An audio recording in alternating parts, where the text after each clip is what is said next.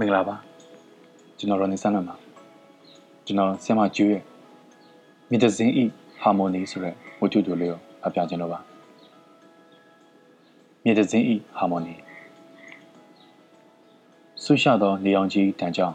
ကျွန်တော်အိယာမှရုတ်တရက်လန်နိုးလာတော့အခါနေတော်တော်မြင့်နေပြီထူးဆန်းစွာပင်တအိမ်လုံးငြိမ်သက်နေမြည်သည့်ဂီတတန်မှမကြားရပါ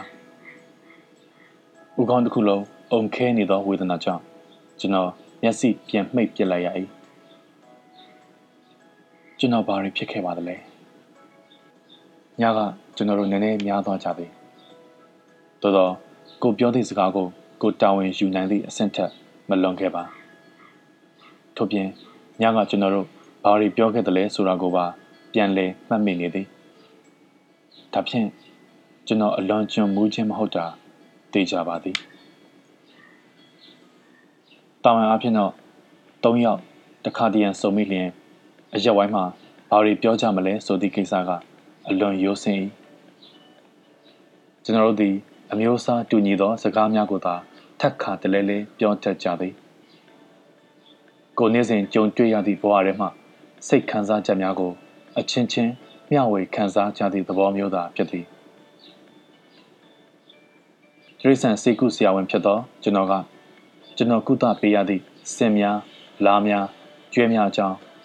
ကျွန်တော်ကိုပညာပြန်လည်သင်ကြားပေးသည့်လောက်သက်ရင်း၍ကျွမ်းကျင်သောစင်အုပ်ကြီးတယောက်ကြောင်းကျွန်တော်နှင့်အလွန်ရင်းနှီးနေပြီဖြစ်သောစင်ကောင်းများနှင့်စင်ဦးစီးများအကြောင်းစသဖြင့်သူတို့ကိုပြောပြသည့်အခါသူတို့နှစ်ယောက်လုံးတောအကြောင်းကိုစိတ်ပါဝင်စားစွာနားထောင်ကြ၏ကျွန်တော်ဘာသာရက်က လက်တွေ့ကြပြီးမြို့နှင့်အလှမ်းဝေးကွာသောတနေရာမှခွန်အားအကြောင်းဖြစ်ရာသူတို့၏ဘာသာရက်တွေထက်ပို၍စိတ်ဝင်စားဖို့ကောင်းသည်ဟုကျွန်တော်ထင်သည်တခါတည်းကျွန်တော်ပြောနေရင်ပကြီးဆရာကလူပြောခြင်းပြောတတ်မည်ဒါကပြဿနာမဟုတ်ပါထို့တစ်ချိန်ကျွန်တော်စကားပြတ်သွားပေမည်ကျွန်တော်တို့၃ယောက်ဘာစကားမှမပြောဖြစ်ပဲငြိမ်သက်သွားကြသည့်အချိန်များလဲရှိသေးသည်မဟုတ်လား ဤခါမျိုးတွင်ကျွန်တော်စကားကိုအချိန်မရွေးပြန်ဆက်နိုင်သေးသည်ပကြီးဆရာသည်လူများနားမလည်သည့်ပကြီးများကိုဆွဲရင်းလူတွေကိုစိတ်ဆိုးနေသူတယောက်ဖြစ်သည်သူအလွတ်လွတ်နေစဉ်လူတွေနှင့်ဝေးဖို့ပို၍လိုအပ်သည်ဟုဆိုကာအိမ်ပေါ်ထက်ကိုသူတိမ့်ပိုက်ထား၏ဒါကလည်းပြဿနာမဟုတ်ပါအလွန်ကြီးမားလေးလံသောစန်းညာကြီးတစ်လုံးကိုအိမ်ပေါ်တင်ဖို့ပြင်းရှိညင်းငွေသောစန်းညာဆရာသည်အိမ်အောက်ထပ်မှာပင် နှစ်သက်သဘောကျစွာနေထိုင်သည်သူတို့နှစ်ယောက်အပေးယူမျှသည့်သဘောပင်ဖြစ်သည်သို့သောပြဿနာကကျွန်တော်တခါတည်းရန်ပြန်လာသည့်အခါကျွန်တော်ကမြေသည့်အထက်တွင် နေထိုင်ရမှန်းမသိခြင်းပင်ဖြစ်၏တကယ်တော့ဤအိမ်သည်ကျွန်တော်မိဘများထားခဲ့သည့်အမွေဖြစ်သည်သို့သောကျွန်တော်၏အလုတ်ကဝေးလံလှသောတောပတ်တွင်ရှိသောကြောင့်ကျွန်တော်၏တငယ်ချင်းများကိုခိတ္တနေထိုင်စေခဲ့သည်ယခုတော့ ကျွန်တော်နားခိုစရာနေရာပျောက်ပြီသူတို့နှစ်ယောက်လုံးသည်အိမ်ပိုင်ရှင်မှာကျွန်တော်ဖြစ်သည်ဟုမေ့နေသလားမသိကျွန်တော်တခါတလေရောက်လာ၍သူတို့အနှဲငယ်မျှဂယုတဆိုင်အဲဝစ်ပြုပေါ်မရချေခမကျွန်တော်နားမှာနေပေါ့ဟုတ်နှစ်ယောက်လုံးကခပ်ပေါ့ပေါ့ပြောသည်စန္ဒယာဆရာနေထိုင်ရာအောက်ထပ်မှနေလျင်ကျွန်တော်ညညအေးရေးဝမှာမဟုတ်သူသည် ညညတကောင်စန္ဒယာထတီးခြင်းတီးတတ်သည်စန္ဒယာဘေးကဇပွဲကုံတွင်၎င်းစန္ဒယာပေါ်တွင်၎င်းသူ့အိယာပေါ်တွင်၎င်းပိုဆိုးသည်ကအိကန်းဇပွဲတွင်၎င်းသူ့ဂီတမှတ်စုဆောင်ရွက်များကွာရှုပ်လျက်လည်းရှိသေးသည်တခါတည်းသူ့ notes များကိုလေဖြင့်လွင့်ပါ၍ပျောက်သွားမှစိုးသည်ကတကြောင်အိတ်ဆရာနေရာမရှိ၍တကြောင်ကျွန်တော်စူစည်းသိမ်းဆည်းပေးလိုက်သဖြင့် သူ့စာရွက်တစ်ခုခုရှာမရတော့လျင်သူသွေးယူသွေးရန်ဖြစ်နေတတ်သည်ကျွန်တော်သိရတော့တော့တချင်းတပုတ်ကိုမျှသူတီးမပြဘူးသေးပါဂုံမြင့်သူတို့မျက်နှိုးသူတို့တီးစမ်းပါဗျာဟုတ်အရက်ကလေးထွေထွေနဲ့ကျွန်တော်ကလွမ်းချင်စိတ်ပေါက်ခါပျော်ဘူး၏ဘာဗျသူကတချင်းကောင်းစင်များကိုစဉ်းစားသလိုခဏငြိမ်သက်သွားပြီးမှခေါင်းရမ်း၏ မတီးရဘူးဗျကျွန်တော်သူ့ကိုလက်ညှိုးထိုး၍ခွတ်ထိုးခွက်လန်ရှိမိသည်ဒီလိုဆိုပြန်တော့သူကပြုံးပြုံးမယ်ဒီလောက်နှစ်တွေအကြာကြီးကျွန်တော်ဘာတွေလုပ်နေသလဲလို့ခမမေးချင်နေတယ်မဟုတ်လားဟောဒီမှာကြည့်သူသည်ကျွန်တော်မသိသောတီးသွားများကိုတမျိုးပြီးတမျိုးမရက်မနာတီးပြခဲ့သည်ပကြီးဆရာကပြောလို့သာချက်ကော့စကီတို့ ဘရမ်တို့မိုးဇတ်တို့ကိုကျွန်တော်သိရသည်ဆန်နီယာဆရာကဟောရာကဘီတိုပင်ရဲ့လာရောင်တီးသွားဘာညာကျွန်တော်ကိုပြောမပြခဲ့ပေထို့ကြောင့်လည်းသူတီးနေသည်မှာစစ်သားတွေ၏ခြေတံလားနမ်းများ၏အကလားကျွန်တော်ခွဲခြားပြီးမသိခဲ့သူတီထွင်ထားသည်ဆိုသောဂီတများကိုလည်းကျွန်တော်ကောင်းစွာမကြည်ညက်ခဲ့တခါတည်းကျွန်တော်ကိုအိမ်မောကြောင်ချော့တဲ့တယ်လို့ နုညံ့ချိုးများသော သူဂီတသည်တခါတည်းကျွန်တော်အိပ်ရမှလက်နိုးအောင်စူညံကြမ်းတမ်းစွာခြောက်လှန့်တတ်သည်အပေါ်တက်သို့တက်မည်ဆိုတော့လေပကြီးဆရာ၏နေရာကစန္ဒယာဆရာ၏နေရာထပ်ပင်ပို၍ရှုပ်ပွားသည်ပြစ်ထားဟန်ရှိသောပေါင်အဟောင်းများတစ်သားအကျိုးပဲ့များစုတ်တံအဟောင်းများဆေးဘူးအခွန်များကင်ဗတ်အပြဲများစာရွက်များကျမ်းမြမှာ ဆေးမှောက်ကြဟန်ဖြင့်ကွက်နေသောနေရာများပကြီးထောက်ခုံအကျိုးများကျမ်းမြမှာပက်လက်တစ်မျိုးထောင်ရက်တစ်မျိုးချထားတတ်သည့်ပကြီးကားများအလုံးသည်စနစ်တကျမရှိဘဲရှုပ်ထွေးနေသည်သို့သောစံရဆရာလိုတော့သူ့ကရင်ကရှုပ်ပွားမနေအိပ်၍ဖြစ်အောင်ရှင်သေး၏ထို့ကြောင့်သူပကြီးကားရှိတွင်ထိုင်နေသည်ကိုအခွင့်ကောင်းယူကာကျွန်တော်အောက်ထပ်မှပြေးလာပြီးသူ့အိယာမှာ ဝင်အိပ်ရသောညများလဲမနေတော့ပါသို့တော့ကျွန်တော်တို့တယောက်ကိုတယောက်ခြေနှက်ကြပါသည်သူတို့ညောက်ကအမှုပညာဥတီချက်တူလို့လားသို့မဟုတ်ယူသွမှုတူလို့လားမသိတယောက်ကိုတယောက်ပို၍စီးလုံးကြသည်သူတို့စကားတွေကအုံနောက်၆ဆရာကောင်းသည်နားထောင်ကြည့်ပါကောင်းကင်မှာရွေရှားနေတဲ့တိမ်မြင့်တန်းကလေးတစ်ခုရဲ့အတန်ကို ကျွန်တော်ဂီတအဖြစ်ဖန်တီးမလို့ဟုတ်လားဒါဆိုခမရလက်အစတိတ်လို့မယ်နော်ခလုတ်ကလေးတွေကိုထိတယ်ဆိုရုပ်ကလေးထိမှဖြစ်မှာပေါ့အီလီဒါကလည်းလေတိုက်ခတ်တဲ့အရှိန်နဲ့ပဲဆိုင်ပါတယ်လေထိုခါမျိုးတွင်ကျွန်တော်ကတော့အရက်ကိုသာဖိတောက်နေရ၏ညတော့ကငှက်တကောင်ရဲ့ဘဝဆိုပြီးကျွန်တော်ပချီကားတစ်ချက်ဆွဲပြီးသွားပြီဗျငှက်ရဲ့လွတ်လပ်မှုနဲ့တူ ငှက်ရဲ့အန်ဒရယ်နဲ့စိုးရိမ်မှုကိုပေါအောင်တက်နိုင်တဲ့လောက်တော့ဆွဲတာပဲဟုတ်လားရေးပြီးပြီဆိုရင်အောက်ထက်ယူခဲ့ပါဗျာမယူဘူးခမရစိတ်ဝင်စားရင်အပေါ်လိုက်ကြည့်ပေါ့ဗျာသူတို့ညခတ်တိုးတိုးရှိကြသည်သူ့အတောင်ပံတွေနဲ့လေကိုခွင်းလိုက်တဲ့အင်အားရောပါပါမလားခမရလိုက်ကြည့်လေသူတို့ညအပေါ်တက်သွား၏ကျွန်တော် ခေါင်းရမ်းခါလျက်ကြံခဲ့သည်တညလုံးပကြီးဆရာရေးဆွဲနေသောပကြီးကားကိုသူ့နောက်မှအချိန်ကြာကြာရက်၍ကျွန်တော်ကြည့်ပြီးပါပြီကျွန်တော်သိရသလောက်တော့သူ့ကားထဲတွင်ငှက်တကောင်းမျှမပါဝင်ပါငှက်ကိုကိုစားပြုမိငှက်မွေးကလေးတစ်ချောင်းတော်မှကျွန်တော်မမြင်ခဲ့မိပါသူတို့နှစ်ယောက်ပြန်ဆင်းလာတော့အခါသူတို့မျက်လုံးများကိုကျွန်တော်အကဲခတ်ကြည့်မိသည်ပကြီးဆရာအနှဲငယ်စိတ်ကတိကအောင်ဖြစ်နေဟန်ရှိ၏ အေးဗျာခမည်းပြောတာမှန်တယ်လွတ်လပ်မှုခံစားချက်ကိုကျွန်တော်အပီးပြင်းမထည့်နိုင်ခဲ့ဘူးအမှန်ကမယမ်းရောင်နည်းနည်းလျှော့ပြီးအဝါများများရေးမှပို့ပြီးပြင်မယ်အေးလေနောက်တစ်ချိန်ပေါ့ကျေးဇူးပဲဗျာထိုခါမျိုးတွင်ကျွန်တော်ကတော့အရက်ကိုသာဖိတောက်နေခဲ့ပါသည်ဒီနောက်တွင်ကျွန်တော်ချင်းတွင်အထက်ပိုင်းတောနတ်ထဲသို့တစ်နှစ်နီးပါးကြာတောနေခဲ့ရသဖြင့်သူတို့နှစ်ယောက်နှင့်အတော်ကြာကြာ ဝေးသွားခဲ့သည်လွန်ခဲ့သောတစ်ပတ်ကမှကျွန်တော်ပြန်ရောက်၏ညကတော့ကျွန်တော်ပြန်သွားအောင်မည်အထိတ်မှတ်ဖြစ်၎င်းသူ့ပကြီးကတစ်ချက်ရောင်းရငွေတောင်းကနန်းရလိုက်သောအထိတ်မှတ်ဖြစ်၎င်းအရက်ဝိုင်းကိုပကြီးဆရာကစီစဉ်ခဲ့သည်ညကကျွန်တော်တို့နည်းနည်းများသွားကြသည်ထိုညကကျွန်တော်ဆင်တွေအကြောင်းပြောခွင့်မရခဲ့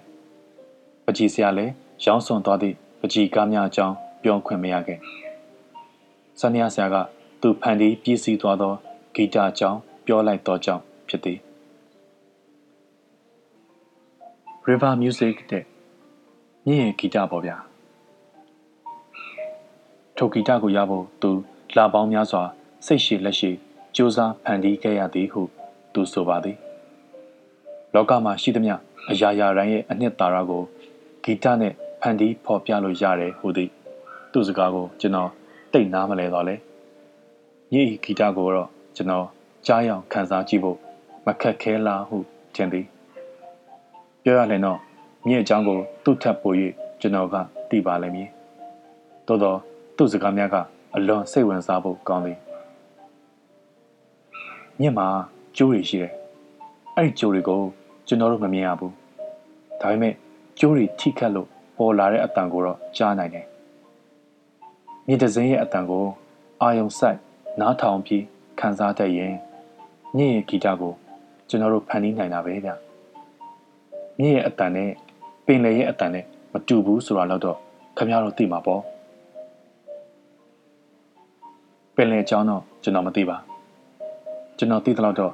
စန္ဒယာဆရာသည်လည်းပင်လယ်ပြင်ကိုပဲ့ထောင်တစည်းဖြင့်ဖြတ်တန်းသွားဘူးသည်ဟုမထင်ပါ သူတည်သောပင်လယ်သည်ငပလီမှတော်၎င်းဆက်ဆဲမှတော်၎င်းမောင်းမကန်မှတော်၎င်းခတ်ဝေးဝေးမှချင်းကပ်လိလာရသောမသေးမကွဲပင်လယ်သာဖြစ်ပါလိမ့်မည်သို့သောကျွန်တော်နှင့်ပကြီးစရာစိတ်ပါဝင်စားစွာ စကားထောက်လိုက်ကြသည်ပြောစမ်းပါအောင်ဗျဘာလို့မကြိုတယ်လဲဆိုတာမြင့်မှာတစ်ဖက်တစ်ချက်မှာကဘားတွေရှိရဲ့ဗျကဘားတွေစီကနေပြန်လာတဲ့ပဲ့တန်တန်ကိုပါ ကျွန်တော်တို့ကြားရတယ်ပင်လယ်ဆိုတာတော့ကျေပြန့်လွန်းတယ်ပင်လယ်ရဲ့အတန်ကအတားဆီးမရှိလွတ်လပ်နေတယ်ပြန့်လွင့်နေတယ်ပင်လယ်လှိုင်းကကြောက်ဆောင်ကိုတိုက်တဲ့ရေတံနဲ့မြစ်ကစီးစင်းရင်ကဘားကိုပုတ်တိုက်သွားတဲ့အတန်ကမတူဘူးဗျမြစ်ရဲ့အတန်ကစင်ဆက်မပြတ်အလင်းဆိုတာရှိတယ်ပင်လယ်လှိုင်းလိုတစ်ချက်ချင်းစောင့်တိုးတဲ့ရိုက်ချက်မရှိဘူးဒီတော့ဒီတော့အတန်ရဲ့ perspective အနည်းဝေးအတိုးကျချမ်းသာမှုကနေတာပေါ့ကျွန်တော်ရဲ့ notes တွေကို staccato တွေ short ပြီး legato တွေများပြီးတီးရတယ်ကျွန်တော်နဲ့ပကြီးဆရာတယောက်ကိုတယောက်ကြည့်လိုက်ကြ၏ဤနေရာကတော့ပကြီးဆရာနဲ့ကျွန်တော်ဂီတနဲ့ဝေးကွာပုံချင်းတူနေမည်ဟုထင်သောကြောင့်ကျွန်တော်စိတ်သက်သာရာရသွားသည်ခင်ဗျားတို့နားလည်အောင်ပြောရရင် notes တွေကတူတယ် notes တစ်ခုနဲ့တစ်ခုကြားမှာနေရာချန်ထားတယ်ဆက်ခနဲ့တီးပြီးခဏငြိမ်တဲ့သဘောပေါ့ဗျာအဲ့ဒါကို staccato လို့ခေါ်ရဲဗျ legato ဆိုတာကတော့တစ်ခုနဲ့တစ်ခုဆက်ပြီးຫນွေယူသွားတာပေါ့ဗျာ notes တစ်ခုနဲ့တစ်ခုကြားမှာပြတ်မနေဘူးပေါ့ဘီတိုဗင်ရဲ့ Moonlight Sonata မှာကျွန်တော်တို့နှစ်ယောက်တယောက်ကိုတယောက်ကြည့်မိပြန်၏ဒီအချိန်မှာကျွန်တော်အနှဲငယ်ပင်ပြုံးမိသေး၏ဆန်နီယာဆရာကကျွန်တော်တို့နှစ်ယောက်ကို လုံးဝဂရုမစိုက်မိဟန်ဖြင့်ဆက်ပြောနေသည်မွန်လိုက်ဆိုနာတက်မှာအဲ့ဒီနှစ်မျိုးလုံးသူ့နေရာနဲ့သူတုံးသွားတယ်ကျွန်တော်ကတော့လက်ကားတို့ကိုများများတုံးသွားမယ်မြင့်ရဲ့အလျင်ကိုခံစားဖို့ပေါ့ဗျာမြစ်ဆိုတာအဖျားပိုင်းမှာသာရေစည်းညံတက်ပြီးအလဲပိုင်းနဲ့အောက်ပိုင်းမှာငြိမ်သက်ပြီးအပြန့်ကျဲသွားတယ်မဟုတ်လားအလျင်ဟာမပြောင်းမလဲတစ်ဆက်တည်းဖြစ်သွားတယ်လေကျွန်တော်သူ့ကို စကားမဖြတ်ဖဲမနေနိုင်တော့ပါဒါနဲ့နေစမ်းမအောင်ခမရရဲ့မြစ်ကဘာမြစ်တုံးဗျဆန်နီယာဆရာကကျွန်တော်ကိုဆက်ခနဲ့လှည့်ကြည့်သည်အဲ့ဒီမိကောင်မမေးနဲ့လေဗျာမြစ်ဆိုတာမြစ်ပဲပေါ့ဗျမြစ်ရဲ့အင်္ကာတွေအကုန်ပါတဲ့ရေဘူးရသဘောနဲ့မြစ်တစ်စင်းပေါ့ဗျာဒါပေမဲ့ကျွန်တော်အတွေ့အကြုံရပြောရရင်တော့မြစ်တစ်ခုနဲ့တစ်ခုမတူဘူးဗျ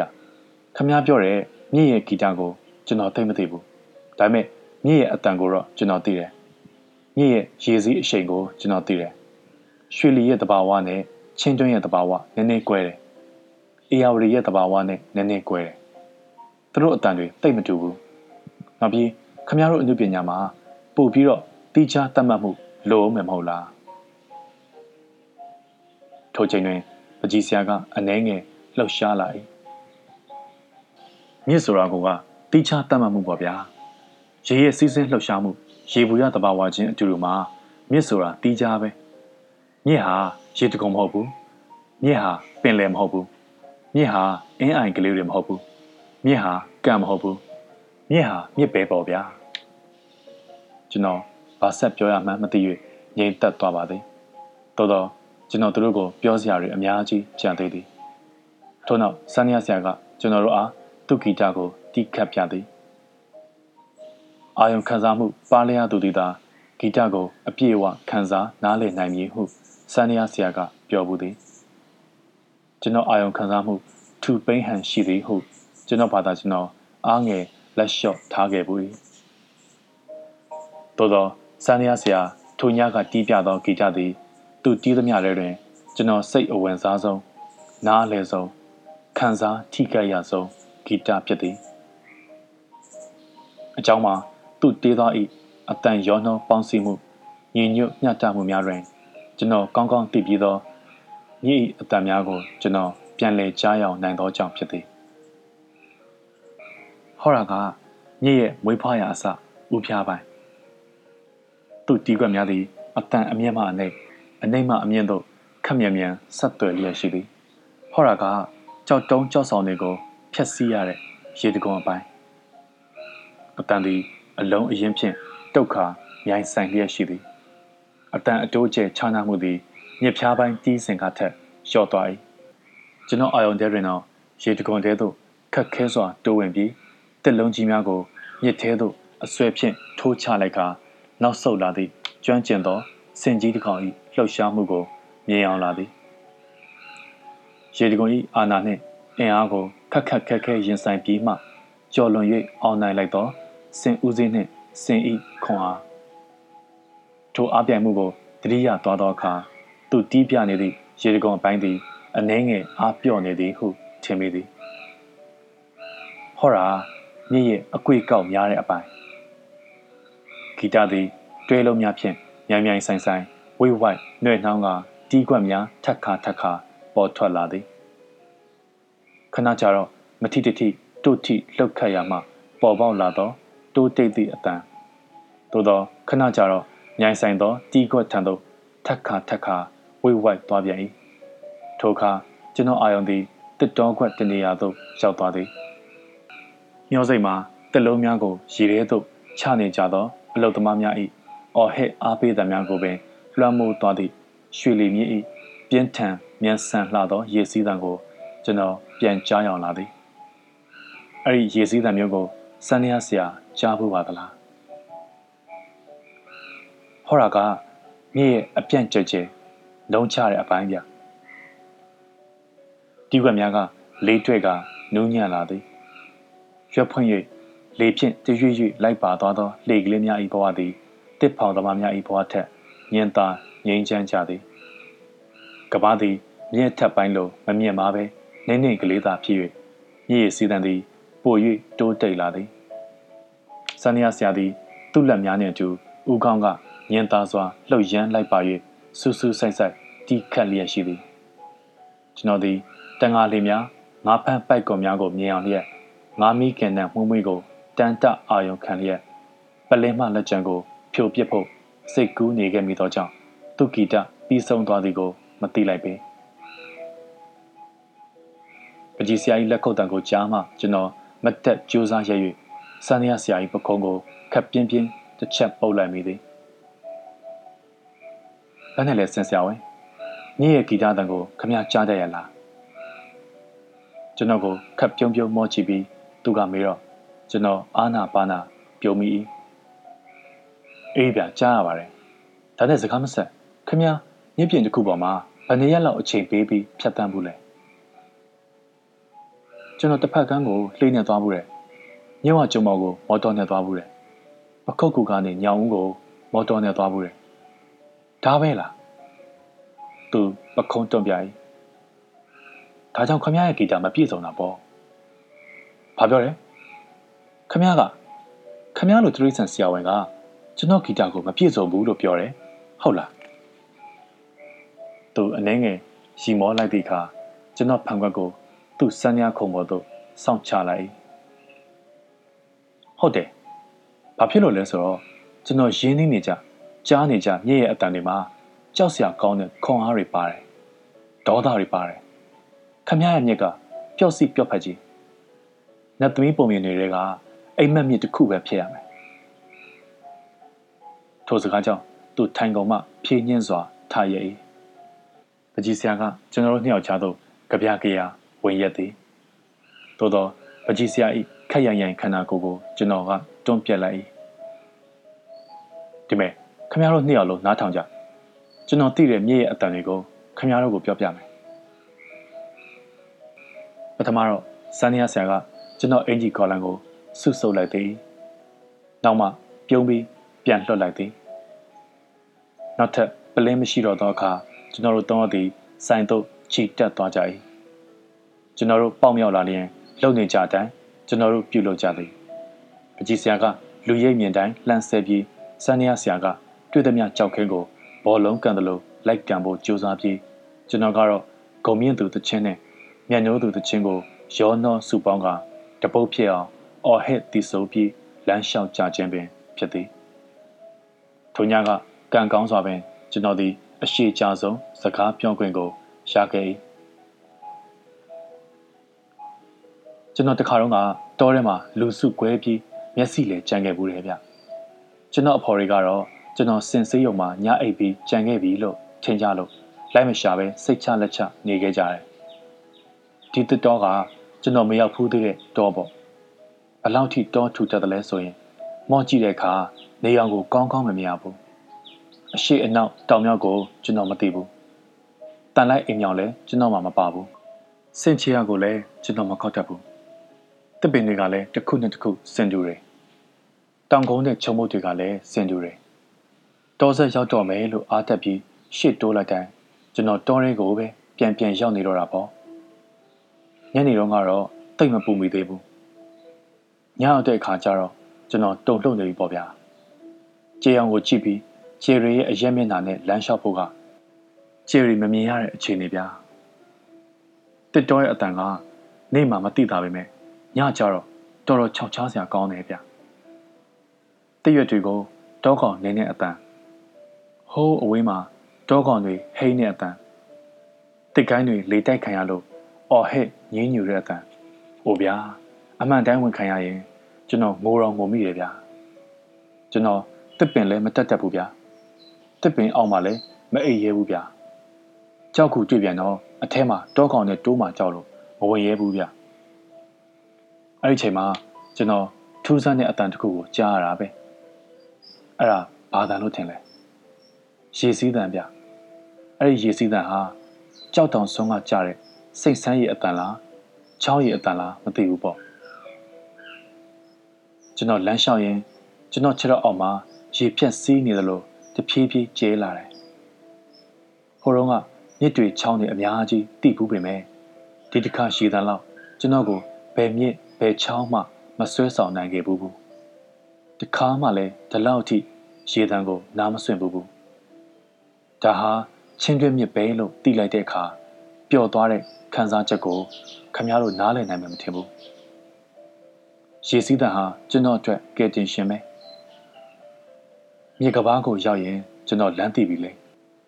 ကျွန်တော်ကိုလမ်းပြပေးမယ်ရေစည်းတန်မဟုတ်လား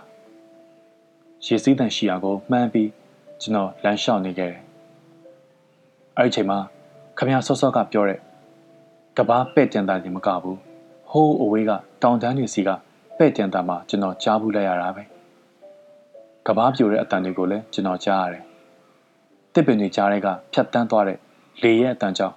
မြေရဲ့စီးတန်ပြောင်းသွားတာကိုကျွန်တော်ခံစားရတယ်။နေ့ခါမှာမြေရဲ့အတန်ကတစ်မျိုးညခါမှာမြေရဲ့အတန်ကတစ်မျိုးဆိုတာကျွန်တော်သိသွားတယ်။ ကဘာကိုရိုက်တဲ့ရေမြုပ်ရေပန်းအတန်တွေကိုနားထောင်ရင်မြေရဲ့ဥတီယာကိုကျွန်တော်ခံမှန်းတတ်သွားတယ်။နောက်ဆုံးတော့မြေကဘာကိုကျွန်တော်ရောက်ခဲ့တယ်။အဲဒီညကတညလုံးမိုးလင်းတဲ့အထိမြေကဘာကြောက်ကဘာတစ်လျှောက်ကျွန်တော်လမ်းလျှောက်သွားနေခဲ့တယ်။အဲ့ဒီချိန်ဟာမြစ်ကိုကျွန်တော်အတိဆုံးချိန်ပါပဲ။တောတွေကတစ်ပင်အတန်တွေတောကောင်တွေအတန်တွေလေပြင်းတန်တွေတောင်တန်းတွေစီကပဲ့တင်တန်တွေ အဲ့ဒါတွေမပါဘဲနဲ့မြစ်ရဲ့အတန်ဘလို့လို့ပြည်ပြပါမလဲ။ခမတစ်ခေါက်တော့ကျွန်တော်နဲ့တစ်ထုတ်စကန်တွေစင်စကန်တွေကိုလိုက်ခဲ့စမ်းပါမြစ်တွေချောင်းတွေအကြောင်းခမအခုထက်ပိုသိသွားမယ်ခမရဲ့ဂီတမှာဘာလို့နေလဲဆိုတာကျွန်တော်မပြောတတ်ဘူးဒါပေမဲ့အဲ့ဒီရောက်တဲ့အခါခမနဲ့မြင့်ရင်းနှီးမှုကြာတဲ့အခါခမစောစောကပြောတဲ့မြင့်ရဲ့ကြိုးတွေကိုပြည်ပြအောင်ခမတီးတက်သွားပါလိမ့်မယ် ကျွန်တော်စကားဆုံးသွားတော့အခါညီသူမျှနောက်ထပ်စကားမပြောကြရင်းရိုင်လေးကန်သောခြေလမ်းများဖြင့်အိမ်စီသို့ပြန်လျှောက်လာခဲ့ကြသည်နောက်တစ်ချိန်အိယာမှနိုးလာသောအခါနေ့လယ်12နာရီပင်ထိုးလူပြီးကျွန်တော်အားတင်းကထထိုင်လိုက်ချိန်တွင်တအိမ်လုံးတိတ်ဆိတ်နေစေစန္ဒယာတန်လေးတော်မှမကြားရပကြီးဆရာဤချောင်းဟန်တန်မှမကြားရ အပေါ်ထပ်မှလည်းပကြီးဆရာမရှိကျွန်တော်အောက်ထပ်ဆင်းလာခဲ့သည်အဲကမှာသူတို့နှစ်ယောက်စေပေါ်လက်ကိုစီဖြင့်ငြိမ်သက်စွာထိုင်နေကြသည်ကျွန်တော်ကမြင်တော့ပကြီးဆရာကနှုတ်ဆက်သလိုခေါင်းဆက်ပြ၏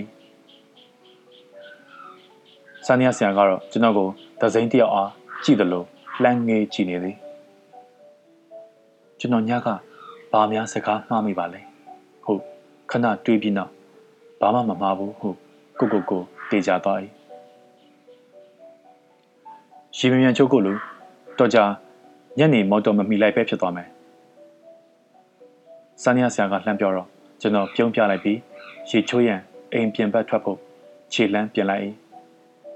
ထိုချိန်မှာပင်အိတ်ကန်းတောက်မှချထားသောခီးဆောင်လက်ဆွဲအိတ်နှလုံးကိုကျွန်တော်မြင်ရသည်တစ်ခုကစန္ဒယာဆရာဤအိတ်တစ်ခုကပကြီးဆရာဤအိတ်